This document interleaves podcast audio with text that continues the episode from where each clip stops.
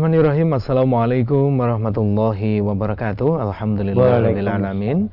Puji syukur kehadirat Allah Subhanahu wa taala atas segala karunia yang Allah berikan kepada kita semuanya. Berupa nikmat iman, nikmat Islam dan nikmat-nikmat yang lain yang apabila kita menghitungnya tidak akan mungkin sanggup menghitung nikmat yang diberikan Allah kepada kita semuanya.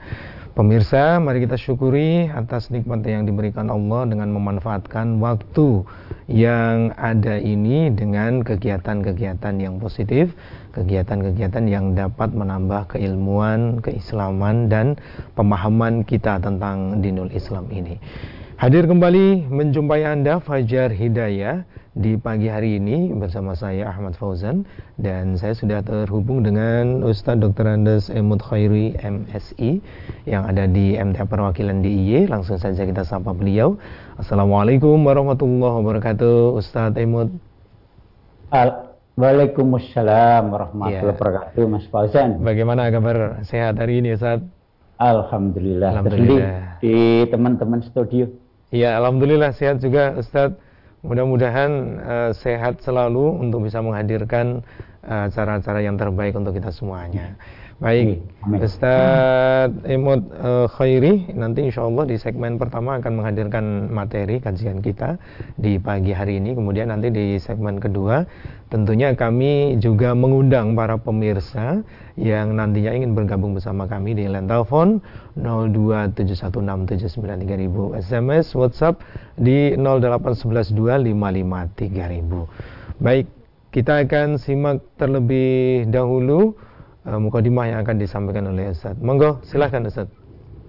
Ya, Martin Bismillah. Assalamualaikum warahmatullahi wabarakatuh. Hamdan wa syukran lillah. Rabbi rati sorli wa amri wa hludata milisani ya amma ba'd.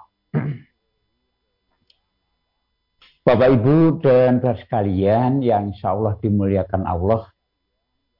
Alhamdulillah atas izin dan nikmat Allah di pagi yang cerah ini kita masih diberi nikmat yang luar, luar biasa besarnya yaitu nikmat kesempatan. Ya. Dengan nikmat kesempatan ini kita bisa ya hadir di forum yang mulia ini kita diberi nikmat kemampuan, nikmat kemauan, ya. dan nikmat kesehatan, sehingga kita bisa bertatap muka, ya, dalam forum yang Allah mulia ini dalam rangka kita taklim. Ya. Bapak Ibu dan saudara sekalian, pada sesi pagi hari ini ya kita akan coba melanjutkan ya seri muhasabah meraih kebahagiaan. Ya. Pada pagi hari ini kita melalui wasilah amal soleh dan kepedulian sesama. Ya. Bagaimana seorang mukmin mukminat ini ya mensikapi simpati, empati kepada sesama itu merupakan sesuatu yang indah, sesuatu yang menarik. Sehingga kita berusaha untuk bisa meraih derajat mukmin yang tertinggi melalui kepedulian sesama. Bagaimana kita bisa meraih suatu kebahagiaan hidup melalui kepedulian sesama. Ya, maka mari kita coba untuk uraikan ya kita bahas eh, pada forum pertama ini sehingga kita nanti target kita adalah bagaimana setiap aktivitas keseharian kita yang senantiasa dalam kebenaran, bernilai ibadah, kemudian bernilai dakwah, kita bisa lakukan secara optimal dan maksimal dan kita bisa senantiasa merealisasikan kebahagiaan kita ya. Dan tentunya melalui aksi kepedulian sesama ini. Ya. Bapak Ibu dan sekalian, maka pada pagi hari ini kita ambil tema meraih kebahagiaan via wasilah amal soleh dan kepedulian sesama. Baik, mari kita coba ya. kita pelajari. Yang pertama adalah unsur-unsur aktivitas kita yang bisa memiliki potensi atau probabilitas yang besar untuk menghantarkan kita masuk surga. Salah satu hadis Rasulullah ditanya, su'ilah Rasulullah Shallallahu Alaihi Wasallam, ya, an aksari ma yadkhulina saljana. Ya Rasulullah, apa saja yang memiliki potensi untuk bisa memasukkan seseorang ke surga. Ya. Kemudian Rasulullah saat itu menjawab, ya takwa Allah, ya, bertakwa kepada Allah. Ya. Kemudian Rasulullah ditanya juga, ya Rasulullah, ya apa yang menjadikan seseorang itu masuk neraka? Ya. Aksari ma yudakhilan nasu anar. Ya. Kemudian Rasulullah saat itu menjawab adalah al-fam wal fard. Yaitu lesan dan kemaluan. Ya. Jadi ada dua Bapak Ibu dan sekalian ya. Unsur-unsur aktivitas yang kita lakukan yang menjadikan kita berpotensi untuk bisa masuk surga, menghantarkan kita masuk surga dan aktivitas-aktivitas dari diri kita, organ tubuh kita yang berpotensi menghantarkan kita masuk neraka. Ya, tentunya kita pelajari ya dalam rangka kita bisa merealisasikan aktivitas yang potensial untuk menghantar kita masuk surga dan kita berusaha semaksimal mungkin ya menghindari ya aktivitas-aktivitas yang potensial untuk mengantarkan kita ke neraka. Baik, mari kita coba pelajari apa itu unsur-unsur tadi. Yang pertama, ya, yang menjadikan kita bisa merealisasikan ketakwaan kita kepada Allah. Ya. Yang pertama nanti adalah ya, bagaimana kita memiliki sikap toat Ya. Nah, dengan sikap toat ini nanti kita coba realisasikan. Ya. Sahabat Ali, Khalifah Ali dalam salah satu ya nasihatnya kepada kita, ada tiga nasihat itu. Yang salah satunya yang saya ambil adalah e, nasihat yang kedua. Di situ dikatakan bahwa e, setiap aktivitas hidup kita, ya, kesibukan kita, inna su'lin dunia, ya, yakfika atau atau syuhlan, ya, yaitu apa saja kesibukan kita di dunia ini, ya, bagi seorang mukmin mukminat cukup baginya adalah kesibukan atau Kesibukan to'at tentunya adalah taat kepada Allah dan Rasulnya. Sehingga bagaimana kita nanti setiap saat, setiap uh, aktivitas kita merupakan realisasi dari sikap taat kita ya kepada Allah dan Rasulnya. Ya. Dalam salah satu uh, doa Rasulullah ya, satu Rasulullah berdoa ya, ya Allah berikanlah sikap toat kepadaku. Ya. Karena sikap toat itu menghantarkan aku kepada surgamu. Ya.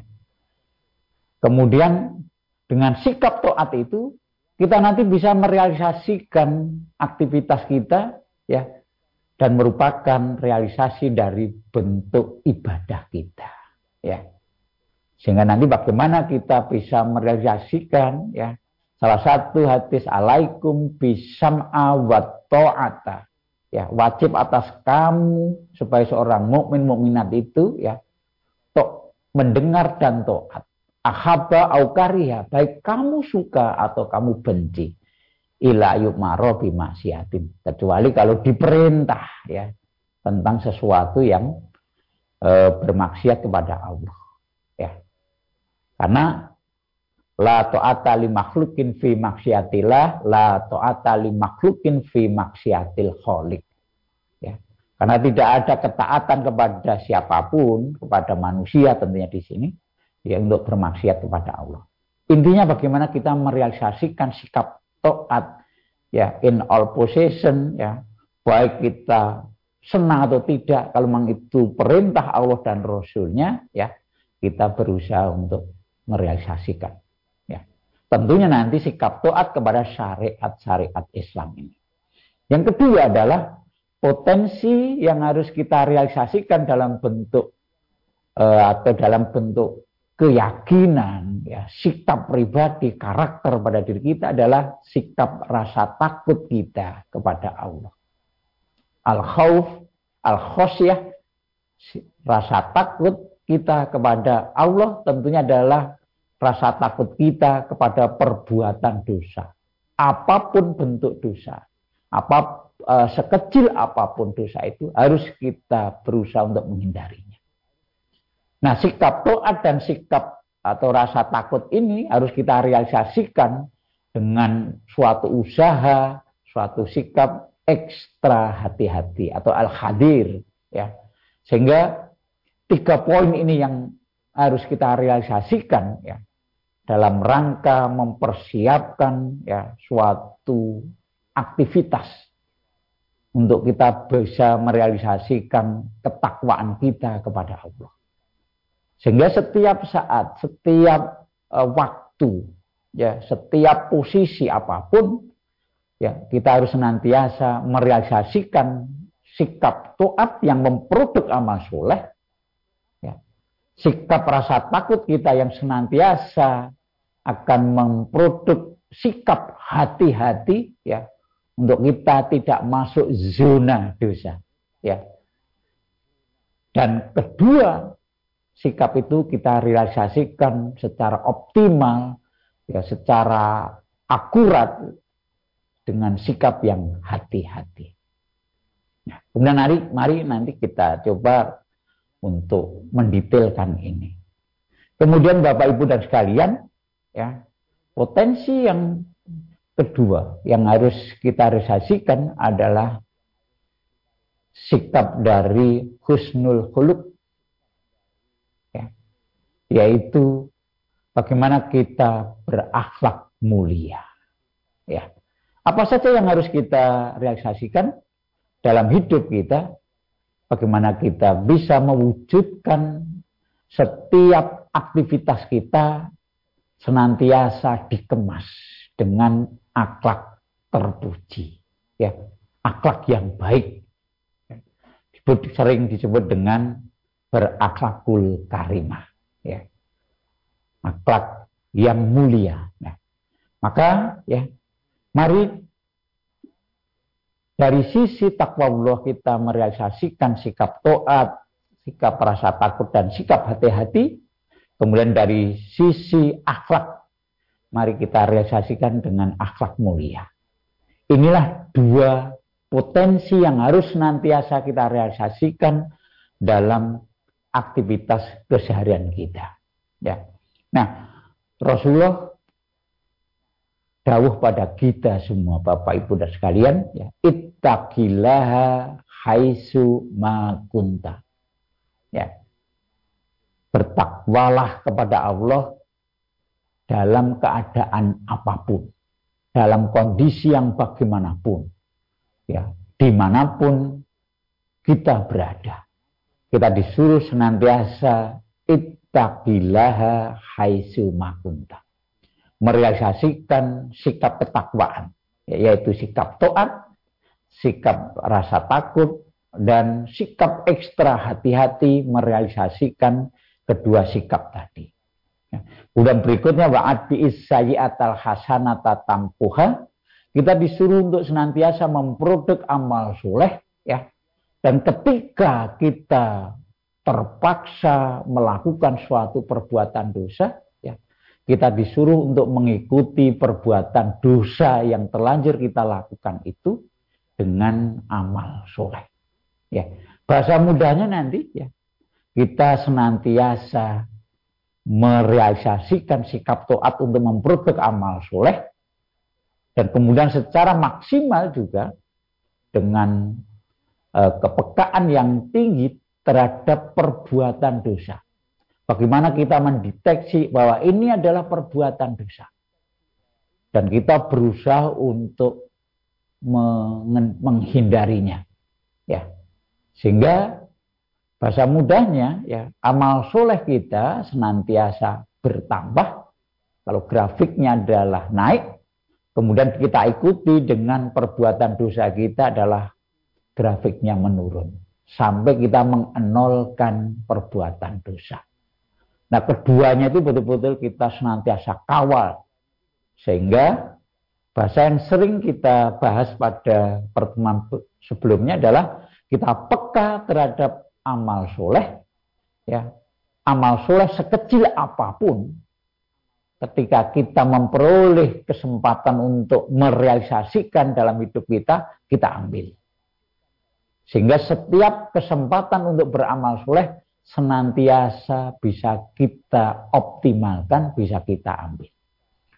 Begitu juga ya, setiap ada kesempatan untuk berbuat dosa sekecil apa pun ya harus kita tolak ya. ya. Kita hindari Ya, sehingga kita senantiasa berusaha untuk mengenolkan perbuatan dosa. Ya.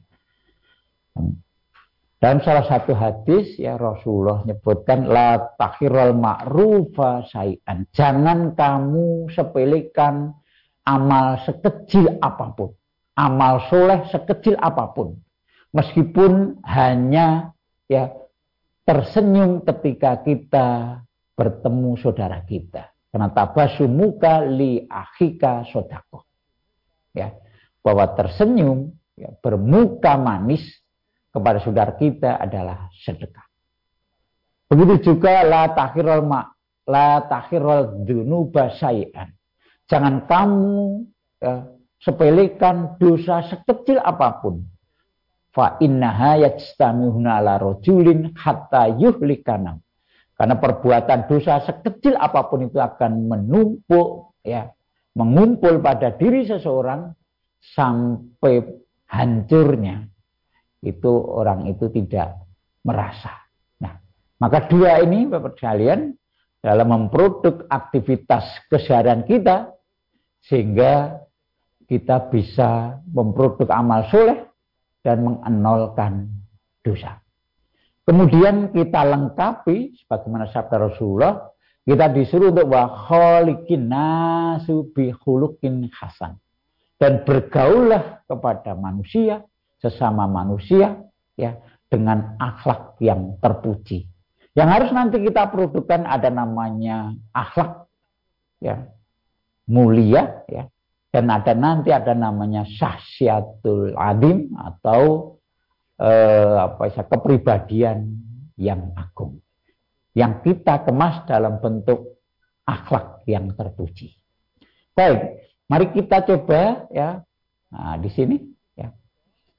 Realisasi dari sikap taat, sikap rasa takut dan eh, sikap ekstra hati itu ya kita wujudkan ketika kita memperoleh tawaran suatu amal soleh.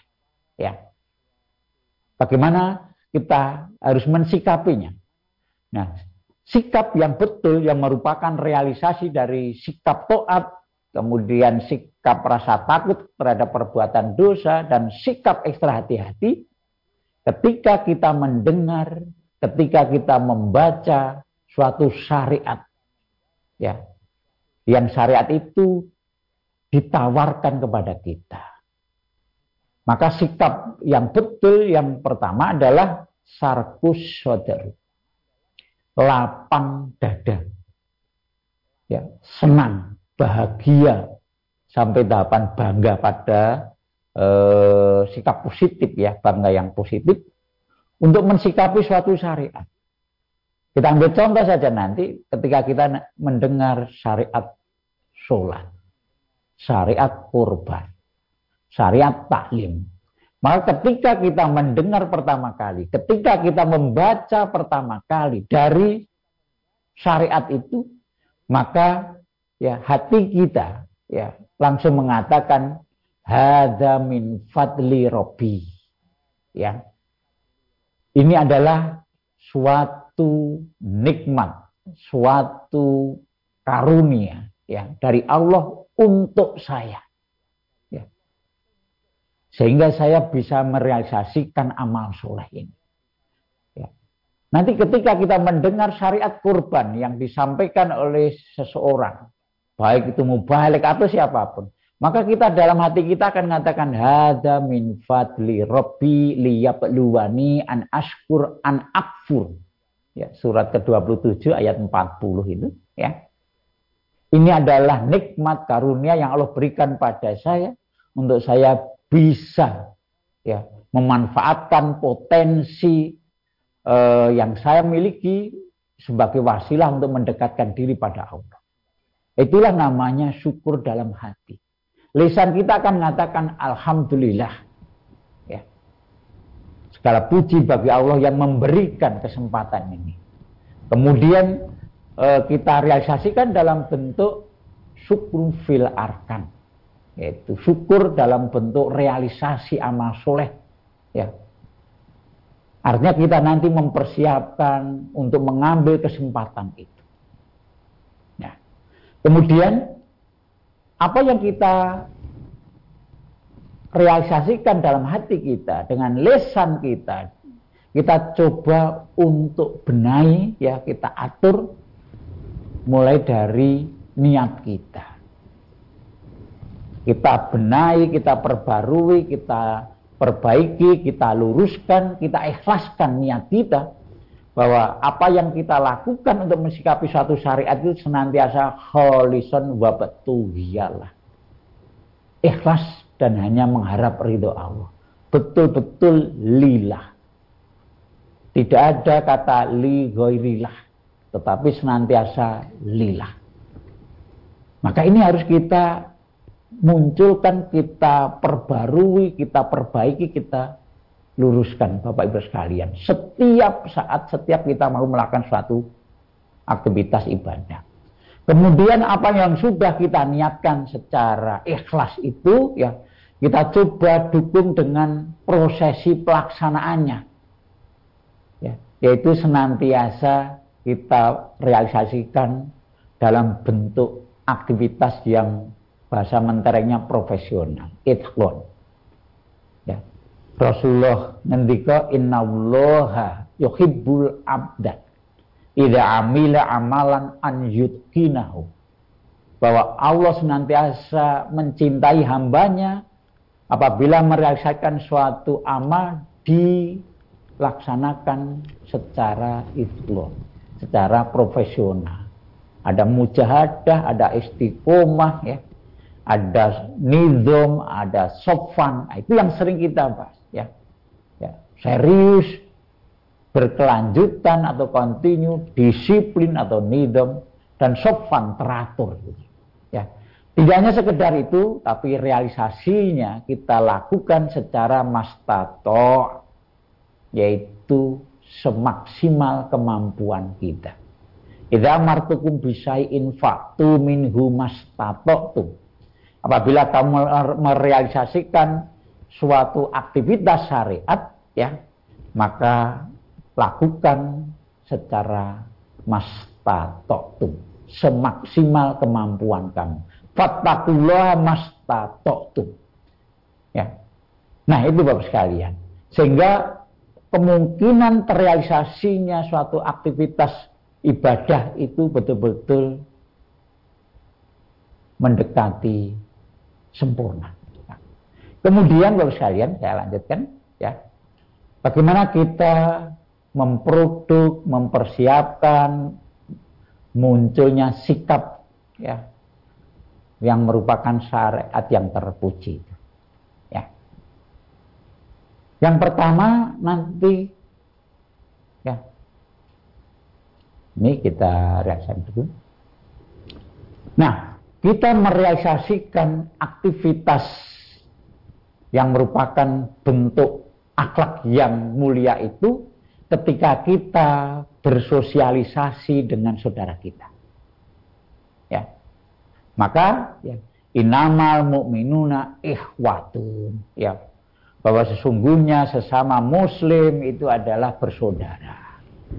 Kemudian hadis mengatakan bahwa ya khairukum man ta'alamal qur'ana wa 'alamahu sebaik-baik di antara kamu adalah yang mempelajari Al-Qur'an dan mengajarkannya. Ada di situ konteks mengajarkannya. Ya. Sehingga kita ya khairunas anfa'uhum linas. Sebaik-baik dari manusia adalah yang bermanfaat bagi orang lain. Maka mari kita realisasikan uh, akhlak yang mulia itu dalam bentuk nanti amal soleh amal soleh yang kita realisasikan dalam hidup kebersamaan ini. Ya, kalau konsepnya bisa meraih e, kebersamaan hidup ya mulai dari ta'aruf, tafahum, ta'liful qalbi ya hidup yang saling untuk merealisasikan muhasabah. Nah, coba yang hidup saling kita sedikit kita pelajari baik-baik sekalian. Bagaimana kita nanti bisa merealisasikan hidup saling. Ya. Karena proses ini jadi mulai dari ta'aruf kita saling mengenal, kemudian tafahum saling memahami, Kemudian takliful kolbi itu adalah saling ya mengikatkan hati, ya ada keterpautan hati. Maka kalau sudah seperti itu nanti Bapak Ibu sekalian produknya adalah kalbunyanu ya sudu ba'dum ba'du. Bahwa kebersamaan kita seperti bangunan yang satu ya bagian satu dengan bagian yang lain saling menguatkan. Ya, Kehidupan kebersamaan kita seperti kal jasadil wahid, seperti jasad yang satu. Ya. Sehingga ya antara satu organ tubuh yang lain itu betul-betul saling mendukung. Ya. Kemudian dari situ kita sudah akan memproduk namanya kehidupan saling. Yang pertama nanti ada saling kenal kita sudah satu hati. Nah nanti akan muncul namanya ta'awun. Saling menolong. Ya. Saling menjaga. Tawaso, saling menasihati. Ya. Kemudian nanti karena ini satu hati, semuanya nanti serba saling. Gitu. Salah satunya nanti kita akan merealisasikan bagaimana kita bisa memikirkan saudara yang lain. Ya, memikirkan saudara yang lain. Salah satunya yang nanti saya tekankan di sini, Bapak Ibu dan sekalian, bagaimana kita bisa saling peduli, saling menolong, ya, ya. kemudian saling jaga, ya, saling menutup, ya. Maka nanti terrealisasikan satu hadis ini, mohon maaf saya, ya. ketika kita membaca hadis, Rasulullah berpesan pada kita, wanti-wanti betul, bahwa al muslimu ahul muslim. Seorang muslim dengan saudara muslim yang lain adalah bersaudara. Layat limuhu walayas atau yuslimuh. Maka tidak boleh saling mendolimi, tidak boleh saling membiarkan. Ya. Kemudian di situ ada ya man kana fi hajati akhihi ya karena Allahu fi hajatihi yaumal qiyamah. Barang siapa yang merelasikan, menolong ya kesulitan saudara yang lain ya, maka Allah nanti akan menolong satu kesulitan ya di yaumul kiamat.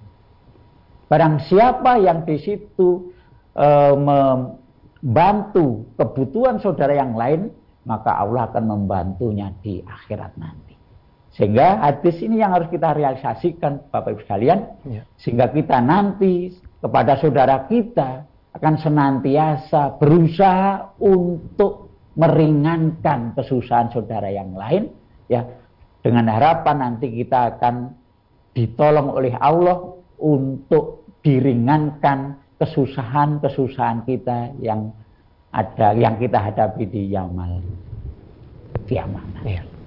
Nah, ini barangkali masih beberapa sebenarnya tetapi karena waktu ya, ini sebagai intro saja ya, sebagai sarana untuk diskusi kita. Ya. Mudah-mudahan bisa kita pahami dan bisa kita rasakan dalam kehidupan sehari-hari kita. Ya. Waktu tengganten, Mas Baik, Terima kasih Ustaz Mukadimah sudah disampaikan. Pemirsa di mana pun Anda berada, kita jeda terlebih dahulu. Selepas pesan berikut kami akan hadir kembali menjumpai Anda. Tetap bersama kami dalam program Fajar Hidayah. Ya baik pemirsa di mana pun Anda berada, terima kasih bagi Anda yang masih selalu bersama kami dalam program Fajar Hidayah. Kita lanjutkan di sesi yang kedua kali ini. Langsung saja Ustadz, kita langsung menuju ke pertanyaan yang ada di uh, WhatsApp datang dari Bapak Kuku yang ada di Depok. Uh, Ustadz mohon tausiahnya amalan puasa bulan Dzulhijjah sebelum kurban yang disyariatkan itu apa saja?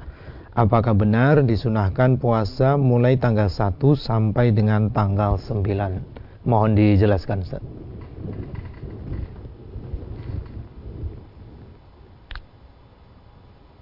Halo, Ustadz? Ya.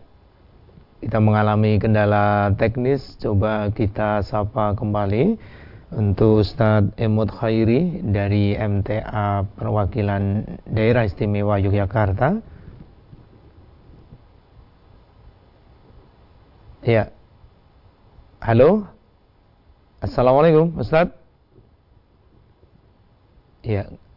Kelihatannya kita terputus koneksi ya dengan Ustadz Emot Khairi.